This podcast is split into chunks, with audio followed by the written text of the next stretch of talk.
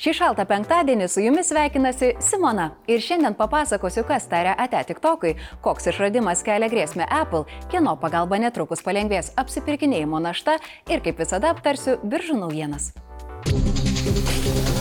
Nepalas uždraudė Kinijai priklausančią programėlę TikTok, nes jos turinys kenkia socialiniai darnai. Sprendimas buvo priimtas praėjus kelioms dienoms po to, kai šalyje buvo įvesta nauja taisyklė, pagal kurią socialinės žiniasklaidos įmonės privalo šalyje įsteigti ryšių biurus. TikTok turinčią apie milijardą vartotojų per mėnesį jau uždraudė kelios šalis, įskaitant ir Indiją. Šiais metais pirmoji JAV valstija uždraudusi TikTok tapo Montana, o Junktinės karalystės parlamentas uždraudė ją savo tiklę. Ryšių ir informacinių technologijų ministrė Reka Šarma sakė BBC Nepale, kad ši platforma skleidžia kenkėjišką turinį ir draudimas bus įgyvendintas itin skubiai. Tačiau koaliciniai vyriausybei priklausančio Nepalo kongreso aukšto rango lyderis Gaganas Tapa suabejojo vyriausybės sprendimu uždrausti TikTok. Jis teigia, kad tai bandoma apriboti žodžio laisvę, o pareigūnai turėtų sutelkti dėmesį į platformos reguliavimą. Maža to, TikTok tikrino viso pasaulio valdžios institucijos, nes nerimaujama, kad duomenys gali būti perduoti Kinijos vyriausybei. Jos patronuojančioji bendrovė ByteDance anksčiau atmetė šios kaltinimus. TikTok neatsakė į BBC prašymą pakomentuoti naujausią Nepalo vyriausybės draudimą. Nors TikTok atsilieka nuo tokių tinklų kaip Facebook ir Instagram, jos augimas tarp jaunų žmonių gerokai lenkia konkurentus. YouTube ir Facebook yra populiarūs tarp visų amžiaus grupių interneto vartotojų. Tuo tarpu TikTok yra labai populiari tarp jaunesnio amžiaus žmonių. Daugiau kaip 80 procentų 16-24 metų amžiaus socialinės žiniasklaidos vartotojų naudojasi šią platformą. Vietos žiniasklaidos duomenimis per pastaruosius ketverius metus Nepale užregistruota daugiau kaip 1600 su TikTok susijusių kibernetinių nusikaltimų atvejų. Pakistanas nuo 2020 m. spalio mėnesio bent keturis kartus laikinai uždraudė šią programėlę, o praėjusį mėnesį Indonezijoje buvo uždaryta jos internetinio apsipirkimo paslauga. O jūs, ar naudojatės TikToku? Pasidalinkite savo nuomonę apie šią programėlę. Ar tikrai verta ją drausti? Lauksiu jūsų komentarų. Humane - penkerius metus veikiantis dirbtinio intelekto startuolis, kurį įkūrė buvę Apple dizaineriai Imranas Čiaudri ir Bethany Bongiorno, paskelbė apie savo pirmąjį produktą. 699 JAV dolerių vertės prie drabužio prisekama dirbtinio intelekto prietaisą skirtą pakeisti išmanųjį telefoną. Jo pagalba naudotojas galėtų skambinti, siūsti žinutės ir siūsti balso komandas. Prietaisas taip pat turi lazerį paverčiantį jūsų delną mini ekranu, kuriame gali būti rodomas laikas, data arba tai, kas yra netoliese namuose. Pasak kuriejų, skirtingai negu dauguma išmaniųjų prietaisų, šis įrenginys neseka savo savininko, mat nėra tokio žodžio, kuris jį pažadintų. Jis įsijungia gavus balso, lietimo, gesto komandą arba lazerio būdu. Humane teigia, kad užsakymus dirbtinio intelekto smeigtukui pradės priminėti lapkričio 16 dieną. Ketvirtadienį pateiktame vaizdo įraše Čiaudri ir Bongiorno pademonstravo kai kurias įrenginio funkcijas ir aptarė technologiją, kurią palaiko jų investuotojas Qualcomm. AI PIN turi įmontuotą garsiakalbį ir kamerą, o įjungus šias funkcijas mirksi lemputė. Du kart bakstelėjus mygtuką padaroma nuotrauka arba vaizdo įrašas, kurį galima peržiūrėti Humane interneto programėlėje. Be to, kad prietaisas gali ne tik siūsti ir gauti tekstus, patobulinti pagal prašymą tai, ką nori pasakyti adresatui, taip pat net realiuoju laiku versti pokalbius iš ispanų į anglų kalbą ir atvirkščiai. Vartotojai gali naudotis dirbtinio intelekto paslaugomis iš interneto, o ne iš atsisiųstų programėlių. Taip pat naudotojai gali paprašyti paleisti garsių fantastinių filmų dainas arba paklausti informacijos, o atsakymus pateikia dideli kalbos modeliai. Left, back. Right, down. And to get back to my home screen, I just close my hand.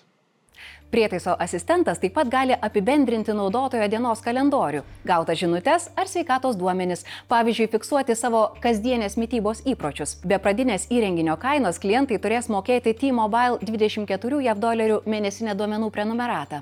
Galiausiai internete jau pradėjo sklisti kalbos, kad šis išradimas gali pražudyti Apple. Biržų topai. Ketvirtadienį Kinijos elektroninės prekybos milžinės Alibaba akcijos atpigo po to, kai ji paskelbė, kad dėl JAV taikomų lustų eksporto apribojimų visiškai neatskirs savo debesijos grupės. Taigi nuo šios žinios paskelbimo akcijos nukrito net daugiau nei 8,5 procento. Bendrovė teigia, kad dėl JAV taikomų lustų eksporto ribojimų Kinijos įmonėms tapo sunkiau gauti svarbiausių lustų iš JAV bendrovių. Padidėjus pardavimams, Walmart viršijo Wall Street'o trečiojo fiskalinio ketvirčio pelno įverčius, tačiau matydamas, kad laikotarpio pabaigoje vartotojų išlaidos sumažėjo, mažmeninės prekybos tinklas savo perspektyvas pateikė atsargiai. Ir būtent todėl, kad prekybos tinklas atsargiai įvertino vartotojų išlaidas, atsargiai sureagavo ir investuotojai. Prekyboje bendrovės akcijos atpigo daugiau nei 6 procentais. Tikėkime, kad prieš šventinį sezoną jiems labiau pasiseks. Ketvirtadienį Britų prabangių drabužių mažmenininkės Burberry akcijos smarkiai atpigo po to, kai bendrovė įspėjo, kad dėl pasaulinio prabangos prekių pirkimo sulėtėjimo visų metų veiklos pelnas bus mažesnis nei prognozuota. Nepaisant pasaulinių problemų, Burberry garsiai kalbėjo apie specifines kliūtis, su kuriomis šiuo metu susiduria Junktinėje karalystėje, nes vyriausybė panaikino apsipirkimą neapmokestinant prekių PVM užsienio svečiams.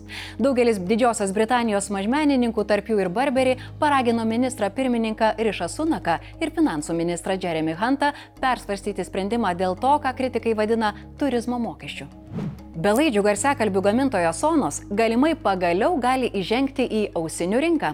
Skelbiama apie smarkiai pakilusius Sonos akcijų pardavimus, nors trečiadienį vėlai vakare paskelbti gana vangus ketvirtojo fiskalinio ketvirčio rezultatai. Bendrovė pateikė teigiamą staigmeną. Generalinio direktoriaus Patriko Spenso pažada, kad kitų finansinių metų antroje pusėje įžengs į naują daugia milijardinę kategoriją. Taip pat nurodė, kad naujasis įrenginys sudarys didžiąją dalį 100 milijonų pajamų. Nors bendrovė nenurodė, koks tai naujas produktas, tačiau analitikai iš esmės daro prielaidą, kad tai bus ausinės. Dabar belieka sekti.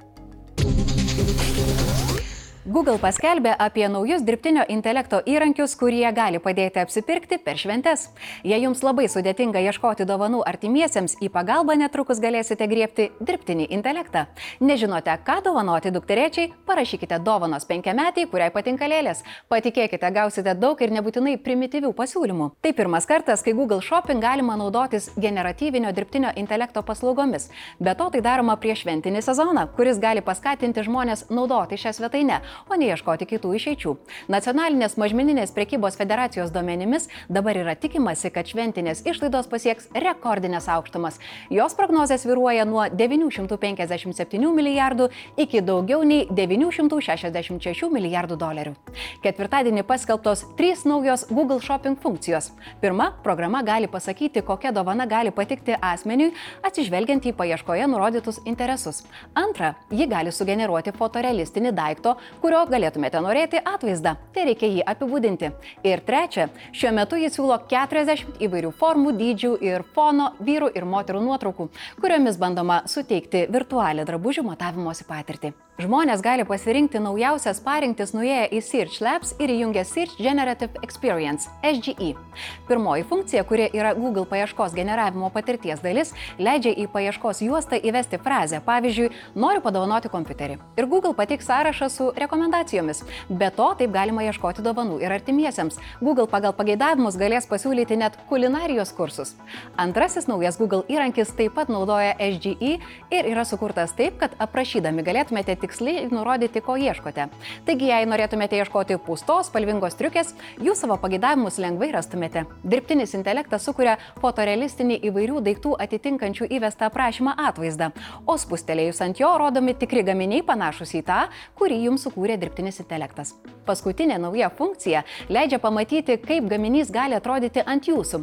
Pavyzdžiui, galite ieškoti tamsi palaidinė ir Google parodys 40 skirtingų formų, dydžių ir kilmės vyrų ir moterų nuotraukų, kad galėtumėte pamatyti, kaip drabužis atrodo ant skirtingų modelių. Šis įrankis labiau skirtas naudoti tais atvejais, kai ieškote savo ko nors, bet tiksliai nežinote, ko norite. JAV šis išradimas pradės veikti jau gruodžio mėnesį. Pasidalinkite jūs, ar pasinaudosite dirbtinio intelekto pagalba apsipirkinėjant, o gal pasitikite tik savimi ir iš vis, kaip dažnai tenka pasinaudoti dirbtiniu intelektu, jei jau teko jo naudotis. Lauksiu jūsų nuomonės komentaruose. Blitz naujienos. Pirmąjį Ignitis grupės vėjo parko statybų etapą atlikusi Merko statyba už 45 milijonus eurų toliau vykdys statybas. Antrojo statybų etapo metu bus įrengti 28 vėjo turbinų pamatai, nutiesti keliai ir įrengti elektros kabeliai. 300 MW galios vėjo parkas Kelmės rajone elektrą turėtų pradėti tiekti jau 2025 metais. Gal tarp mūsų žiūrovų yra darbo ieškančių kauniečių? Internetinė naudotų drabužių tarpusavę prekybos platforma Vinted išsiplėtė ir atidarė atidarė biurą Kaune. Čia jau dirba daugiau nei 100 specialistų. Vis dėlto įmonė ieško dar 20 darbuotojų, tarp kurių programuotojai, inžinieriai, duomenų mokslo specialistai ir komandos vadovai. Vilioja darbas pirmame Lietuvos vienaragyje. Sostinėje vairuotojai susimokėti gali, mane? Bet netrukus bus geriau važiuoti dviračiais. Jau dalinamasi naujiena apie tai, kad Vilniaus savivaldybėje svarstoma vėl kelti kainas už automobilių stovėjimą. Šį kartą beveik dvigubai. Greta to plano seka ir kitas - brangiausią zoną sumažinti, tačiau kitas praplėsti bei prailginti laiką, už kurį reikėtų susimokėti. Primenu, kad rašytumėte ar apsipirkinėdami pasinaudotumėte dirbtinio intelekto pagalba. O aš su jumis atsisveikinu iki kito karto. Nesušalkite. Čia buvo Simona. Iki.